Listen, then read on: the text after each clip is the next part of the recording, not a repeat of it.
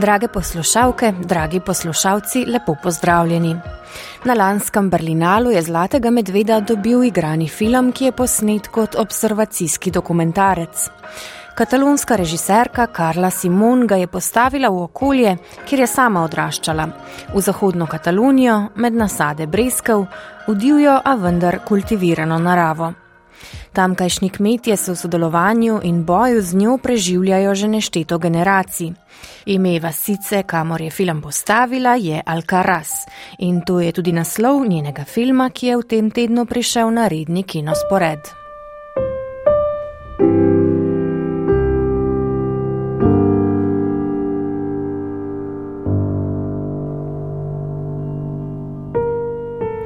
Razširjena večgeneracijska družina Sole v Kataloniji obdeluje obsežno posestvo, kjer rastejo breskve.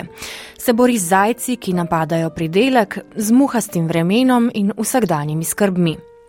Sadove svojega dela prodajajo lokalni zadrugi, tudi odkupne cene so nizke, celo tako nizke, da včasih niti ne pokrijajo stroškov pridelave tega sladkega sadja, ki ga obirajo v poletnih mesecih. Karlo Simon je prek video povezave pred mikrofon povabil Urban Tarman in jo najprej vprašal, kako je poiskala igralce. V filmu namreč nastopijo naturščiki in audicije za vloge je imelo več kot 9000 ljudi iz tamkajšnjih krajev v Kataloniji. Yeah, we, we try to find people who um, were a little bit like the characters that we wrote. No? So it's like, so we imagine these characters and then we Poskušali smo najti ljudi, ki so podobni tistim iz scenarija, da imajo kakšno njihovo osebnostno lastnost. Med castingom veliko sprašujem, kdo so, v kakšni družini živijo, kaj počnejo. Pri Alcarazu je bilo zelo pomembno, da imajo nastopajoči močno povezavo z zemljo, kot jo ima denimo Kemet, ki je bil kmet. Šel je skozi enako zgodbo, kot jo vidimo v filmu. Moral je pustiti svoje delo in se lotiti nečesa drugega. Ljubiteljsko še vedno obdeluje zaplato zemlje. Dedek iz filma je prav tako upokojeni kmet. Mladenič Rožer je že v resnici postal kmet, dela s svojim očetom. Pomagale so tudi nekatere podrobnosti, da ima Kemet v resnici sina, ki je enakih let, kot jih ima Rožer v filmu. Tudi deklica Iris je v filmu in sicer najmlajša sestra v družini. Vse to naturščikom pomaga, da ostanejo, kar so. Marsika je tudi drugače.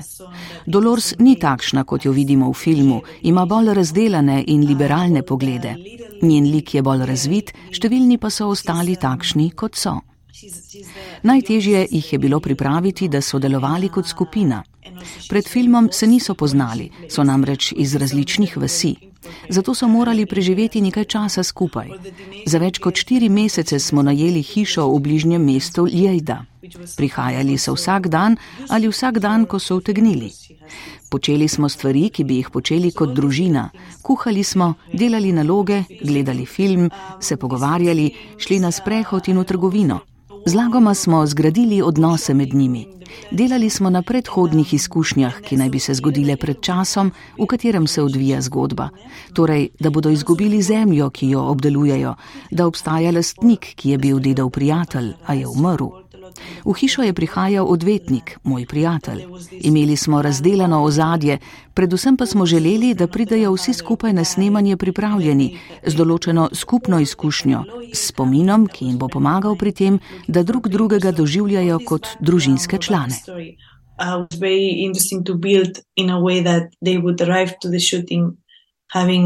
Experience some things together, no, and having like a, a shared memory that would help them to to be I don't know to, to feel more intimate as a family. No?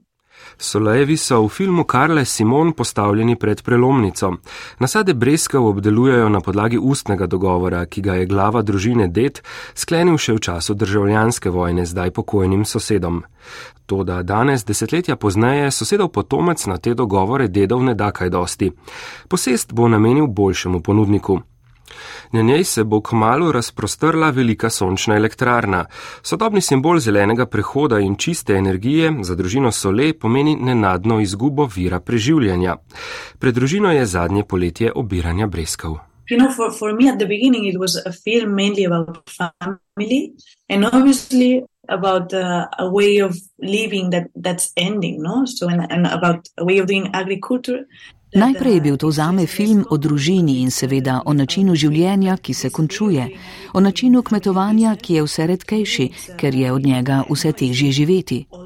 Družinsko kmetovanje, kot ga vidimo v filmu, je najstarejši poklic na svetu, ki ga poznamo od začetkov naše civilizacije. Zato se mi zdi zelo čudno, da se končuje, saj z njim izumira tudi način življenja, ko več generacij in družin živi pod isto streho.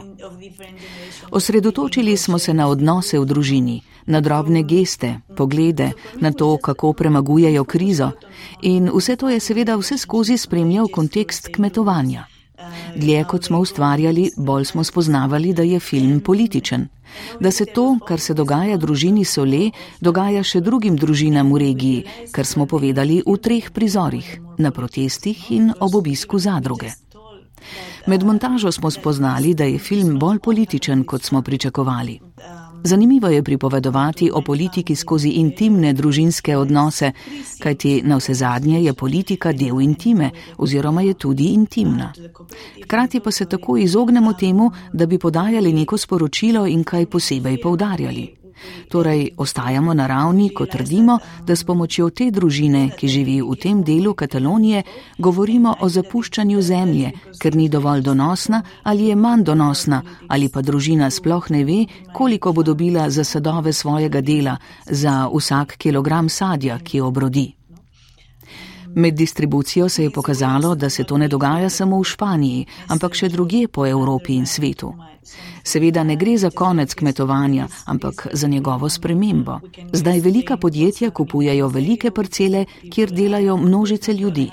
To se mi zdi problematično, kajti ko za kos zemlje skrbi družina, to počne z večjim spoštovanjem, saj se zaveda, da jo bo zapustila svojim otrokom in unukom. Danes, ko opažamo podnebno krizo, pa bi na to morali še bolj paziti in ne manj.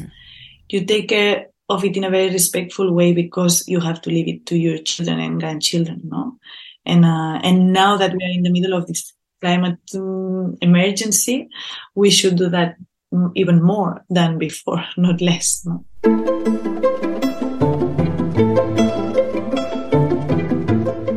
Direktorica Slovenskega filmskega centra Nataša Bučar je včeraj v Cankarjevem domu predstavila letošnje programske aktivnosti centra in se ozrla v dosežke minulega leta. Sicer pa bodo letos padle prve klape kar enajstih celovečernih igranih filmov, od tega štirih prvencev, ki jih bodo režirale režiserke, med njimi tudi film Little Trouble Girls Urške Džukič. To je režiserka, ki s kratkim filmom Babičino seksualno življenje predstavlja enega od vzrokov, zakaj je Nataša Bučar v pogovoru z Matejem Juhom lansko leto imenovala Veliko leto za slovenski film. Leto 2022 je pravzaprav eno najuspešnejših let za slovenski film v zgodovini. Slovenski filmi so v letu 2022 posegali po številnih nagradah, potovali uspešno po festivalih prejeli celo Evropsko filmsko nagrado za najboljši kratki film. Slovenija je bila skozi film nenehno vse leto in vse posod po svetu vidna in beležimo ga kot v zgodovino kot enega tistih let, ko so naši filmi bili najbolj nagrajevani. Na drugi strani pa je seveda naš cilj tudi in naša naloga, da delamo tudi filme, ki jih ljudje radi gledajo doma. In tudi v letu 2022 nam je to uspelo. Namreč tržni delež slovenskega filma v letu 2022 je največji v zgodovini samostojne Slovenije. 17,5 odstotkov vseh gledalcev v kinih po Sloveniji si je v letu 2022 ogledalo slovenske filme. In to je absoluten rekord in izjemen uspeh za slovenski film, predvsem zato, ker v kinu ni bil samo en film, kot se pogosto zgodi, ki podere vse rekorde, ampak so med najbolj gledanimi filmi v letu 2022 v kinematografih v Sloveniji, kar trije slovenski filmi. Torej, ena tretjina vseh naslovov v domačih kinih so bili slovenski filmi. In to so uspehi, ki jih zgodovina še ni videla v Sloveniji zares. Ko govorimo o filmu, vedno govorimo tudi o proračunu za njega. Kot ste omenili na novinarski konferenci, ta proračun še ni čisto tam, kjer bi moral biti, pa vendar je od leta 2014 se pravi naraščal. Mogoče nekaj besed o tej temi.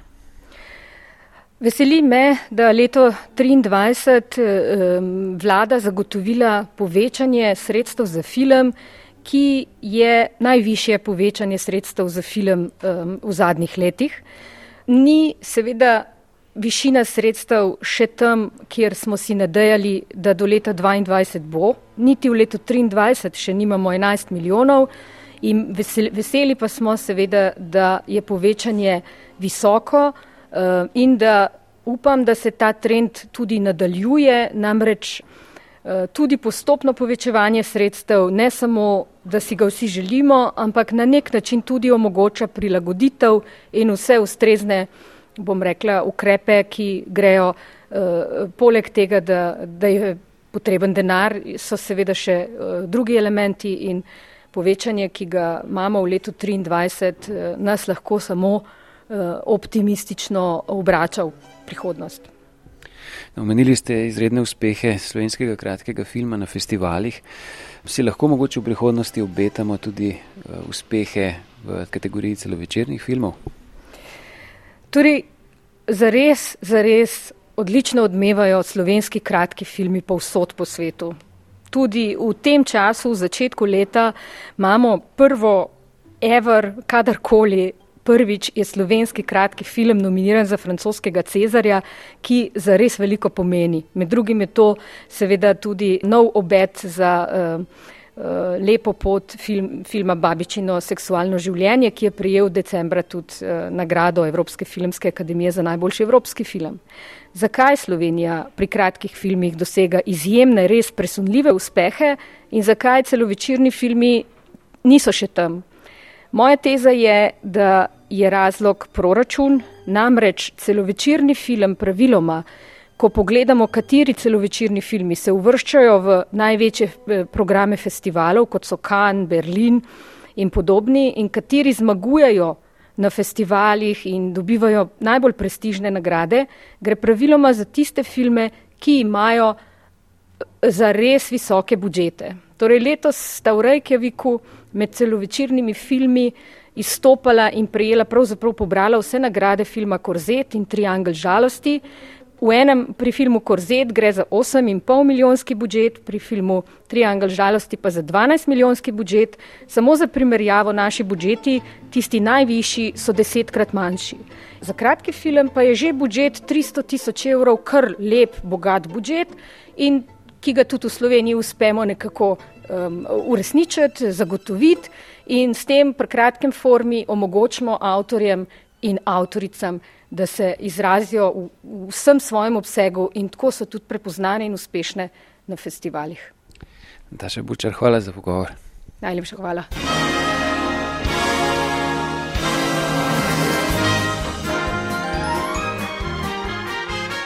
V torek so na Beverly Hillsu razglasili nominacije za letošnje Oskarje. Tudi letos so izvale tako ogorčenje kot presenečene odzive. V kategoriji najboljše režije, v kateri so dolga desetletja prevladovali skoraj izključno moški, sta v zadnjih dveh letih slavili režiserki. Chloe Zhao za Deželo nomadov in Jane Campion s filmom Moč psa. Letos ne bo tako, med nominiranci namreč ni niti ene režiserke, niti tistih, za katere so mnogi napovedovali, da bi se utegnili uvrstiti v to kategorijo, naprimer Sarah Powley za film Ženske govorijo ali pa Gina Prince by the Wood za film Ženska kralj. Največ nominacij med vsemi filmi, kar je najst, med drugim za najboljši film, režijo, scenarij in glavno igralko, je prejel film Vse povsod naenkrat znanstveno-fantastični oziroma superjunaški film o kitajski priseljenki v ZDA, ki mora rešiti svet in potuje med različnimi vesolji. Glavna igralka v filmu, Michelle Yeoh, je pred nekaj leti že sklenila, da ne bo več igrala, misleč, da je njene karijere pred kamero konec, a je na to postala prva Azika, ki so jo nominirali za najboljšo igralko. Na nedavni podelitvi Zlatih globusov, kjer je v enaki kategoriji zmagala, je med drugim povedala: amazing journey and incredible fight. Da sem prišla sem, sem dolgo potovala in se močno borila, ampak mislim, da je bilo vredno. Spomnim se časa, ko sem prvič prišla v Hollywood. To je bila zame uresničitev vseh sanj, do trenutka, ko sem dejansko prišla sem. Poglejte ta obraz. Rekli so mi, ti si predstavnica manjšine, pa sem rekla, da to ni mogoče. Drugi mi je rekel zelo počasi, pa saj govoriš angliško. Pozabite na to, da bi kdo vedel za Korejo, Japonsko, Malezijo, Indijo. Rekla sem mu, ja, let sem je trajal 13 ur, tako da sem se naučila po poti. Leta so minevala in jaz sem postala 60-letnica. Mislim, da vse ženske, ki me poslušate, veste, da je s tem, ko je vse več dni, let, številk, priložnosti vse manj. Imela sem že trenutek, ko sem si rekla, punca, dobro ti je šlo, delala si z najboljšimi, Stevenom Spielbergom, Jamesom Cameronom, Danjem Boylom. Dobro ti je šlo. Potem pa sem dobila najboljše darilo. Vse pa vsot naenkrat. Producenti so k sreči verjeli v dva prismojena scenarista in režiserja, čudovita genija, ki sta si upala pisati o čisto navadni priseljenski ženski, ki se stara, ki je mama, hči, ki jo preganja davkarija. Ta ženska se me je močno dotaknila, kot se je dotaknila tudi drugih ljudi. V katerem koli vesolju je že bila, se je borila za ljubezen, za svojo družino. Fighting for love for her family. Po številu nominacij za letošnji Oskarje sta povsem pri vrhu še nemški protivojni ep na zahodu nič novega in duše otoka, s katerim Martin McDonagh nadaljuje z ganljivim raziskovanjem moškega prijateljstva, ki ga je z igralcema Colinom Farrellom in Brendanom Glisnom pričel že v filmu In Bruž. Harlem Sonny Larry. And he used to be the best of friends? We're still the best of friends. No, you're not. Who says we're not? Sit somewhere else.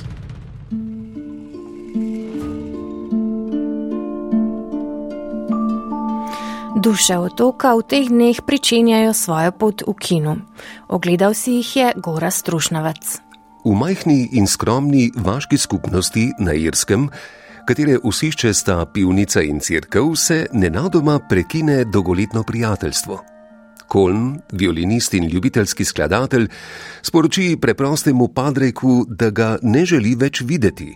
Ob vsakem njegovem poskusu nadlegovanja pa si bo odrezal po en prst. To, kar sprva deluje kot bežen izbruh moške trme v okolju, v katerem ravno ne primankuje robustnežev, se začne stopnjevati v spiralo absurda. Kot je položaj na trenutke že smešen, je obenem tudi smrtno resen, priče smo globoki eksistencialni drami, v kateri si ljudje ne morejo kaj, da ne bi bili žrtve svojih lastnih značajev, pri čemer ni preproste zamejitve na krivce in žrtve. V novi celovečerni mostrovini dramatika, scenarista in režiserja Martina McDonaga, Duše otoka, se srečamo s potujitvenim učinkom že v prvem prizoru, ki združi tipično bolgarsko ljudsko pesem in tipično zahodnoirsko priobalno pokrajino. Glasbo za film je prispeval Carter Barwell, ki sicer ni edina vez McDonaga z bratom Cohen, film namreč prežema podobno črnohumorno razpoloženje.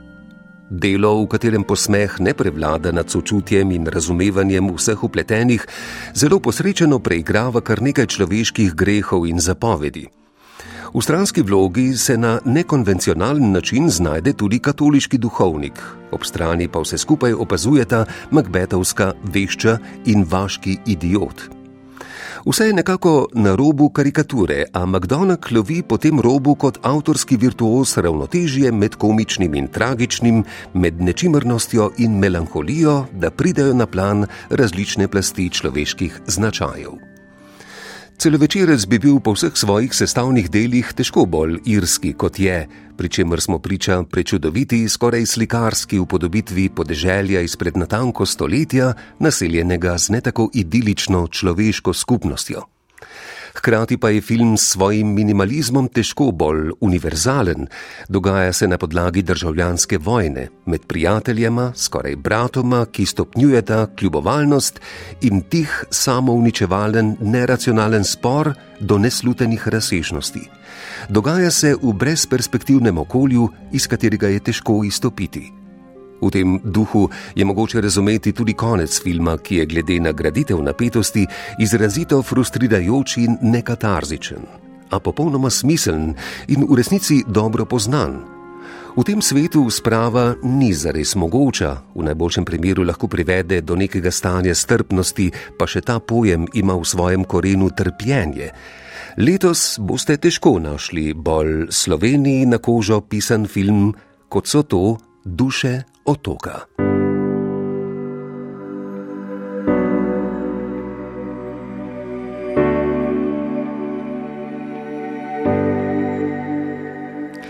V slovenski kinoteki so v sklopu cikla Kino Uho včeraj prikazali novi eksperimentalni film Tomaža Groma. Po komaj čakam, da prideš, je vsestranski glasbenik in skladatelj zdaj predstavil film Ne misli, da bo kdaj mimo, ki ga je v živo pospremil tudi z glasbo. Tudi ta film nakazuje na določen manjko, hrepenenje, predpostavlja odsotnost. Podobnosti pa se ne končajo pri poimenovanju, temveč gre za sledenje obliki in poetiki, ki jo je avtor zastavil že v prvencu, je zapisal Moanis Sinanovič, ki je strnil nekaj misli o gromovi filmski in glasbeni poetiki. Tudi tokrat se srečamo s kolažem videoposnetkov iz vsakdanjega okolja, ki si sledijo v hitrem ritmu, pri čemer je bistvo njihovega učinka v intuitivni montaži. Posnetki nastali s kamero, pritrjeno na dron, prikazujejo nekaj mesecev avtorjevega življenja. Gibljemo se po Berlinu, Ljubljani, morskih in podeželskih krajih, vmes zaidemo v Zagreb. Znotraj teh krajev pa vstopamo v javne in intimne prostore. Podobe se menjajo z veliko hitrostjo, kamera prevzema vlogo spomina. Kar vidimo na platnu, je dejansko strukturirano kot človeški spomin, le da manj pozabljivo in zato bolj neusmiljeno. S tem, ko tehnologija vstopi v proces pomnenja, se ta potuji. Minevanje kot skrajno intimna izkušnja se spoji z zunanjim pogledom, v katerem je upravljavec drona izenačen z vsemi preostalimi gledalci. Osebnost spomina je iztrgana. To prinaša bolečino, istočasno pa zareza pomeni tudi določeno osvoboditev. Šele brezosebna tehnologija nas loči od strasti, strahov, upov in pričakovanj. Vsa ta teža je zdaj prenesena v digitalni svet in v splošno javnost. Grom skozi filmski medij še enkrat izvaja nekakšno samooperacijo. Istočasno pridobimo še nekaj. S tem, ko je spomin polnanjen, ko je subjektivna izkušnja objektivirana, se nam odpre čudež vsakdanjosti. Veličastna predstava na ključi, pisanost sveta, njegova velika mašinerija, v katero je upet minljivi človek, nas prav v sprejemanju s to minljivostjo spravi v stanje čuječnosti. Svet obstaja z nami in brez nas. Ko torej naslov pravi: Ne misli, da bo minilo, je v tem nekaj bolečega in čudovitega hkrati. Prav takšno videnje vsakdanjosti, ustvarjanje potujitev, je značilno tudi za gromovo glasbeno ustvarjanje, ki v veliki meri temelji na improvizaciji. Ko igra s svojim obrabljenim kontrabasom, ustvarja prizor za igro na ključi, ki odpira pomembne uvide. Gromova spremljava filma je temeljila na ponavljajočem se sprožanju klavirskega šuma in nostalgičnem, pritajenem šumu vrtenja vinilne plošče. Avtor, ki se ukvarja tudi z glasbo za gledališče, je dobro izkoristil tudi sam prostor dvorane ter nam z različnimi zvoki na izjemno izostren in komaj zaznaven način sugeriral tudi iz drugih kotov. Če smo posvetili pozornost glasbi, smo opazili tudi določen ritem znotraj podob, ponavljajoči se vzorec montaže, ki se zarezuje v posneti čas. S tem pa je film še na novi ravni postavil vprašanje razmerja med avtorstvom in doživetim časom. Kdo zmaga v igri življenja? Film, njegov režiser ali gledalci? Morda pa sploh ne gre za zmagati, temveč za to, da skozi film razpremo nove možnosti izkušanja samih sebe. Drugi film Tomaža Groma, tako kot prvi, skozi umetniško igrivost razpre vedro in otožno filozofsko globino.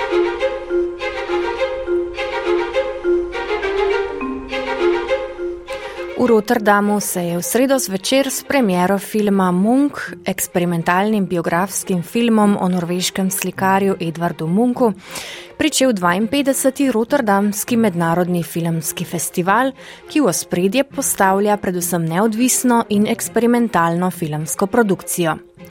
Premjerno bodo prikazali tudi novi film Damjana Kozoleta, Pero, biografski portret pokojnega Petra Musevskega.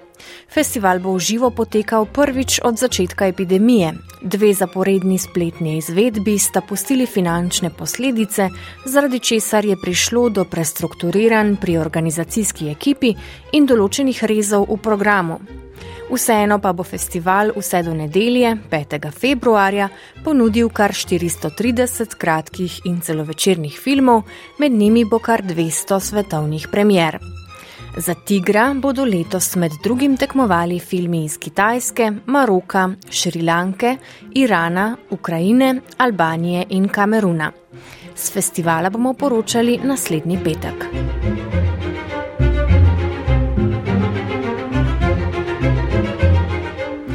Mednarodne uspehe še naprej niza babičino seksualno življenje Urške Džukič. Po neštetih festivalskih uvrstitvah in Evropski filmski nagradi za najboljši kratki film so ga zdaj nominirali še za ugledno francosko filmsko nagrado Cezar ali francoske Oskarje v kategoriji za najboljši animirani kratki film. Filmoteka.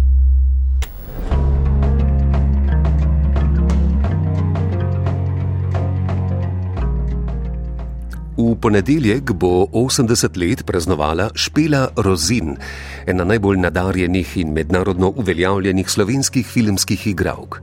Po znameniti Itirini je tudi prva poklicna filmska igralka pri nas.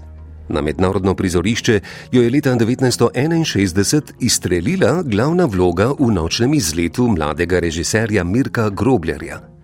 Odprla so se ji vrata v jugoslovanski, polski, avstrijski, turški, italijanski, ameriški film. 60. leta so bila za njo zelo ustvarjalna. Preselila se je v Rim, jezdila je, streljala in se zaljubljala v gangsterje, kavboje in mitološke junake, kot so zapisali v Društvu slovenskih režiserjev, ko so ji leta 2018 podelili Berta za življensko delo. Svoj vrsten poklon sta ji pripravili ustvarjalki filmov Prasica, slabšalni izraz za žensko in Ne bom več luzerka.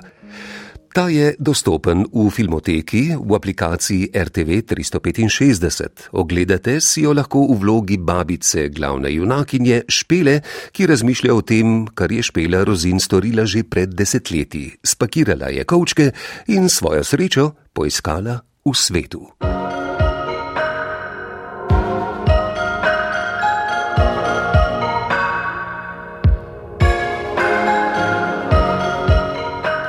Drage poslušalke, dragi poslušalci, s tem končujemo tokratno oddajo Gremo v kino. Oblikovali smo jo Eva Longi Kamarušič, Igor Velše, Max Pust, Tina Ogrin in Tina Poglajen. Želim vam veliko užitkov ob dobrih filmih in vas lepo pozdravljam do prihodnjega tedna.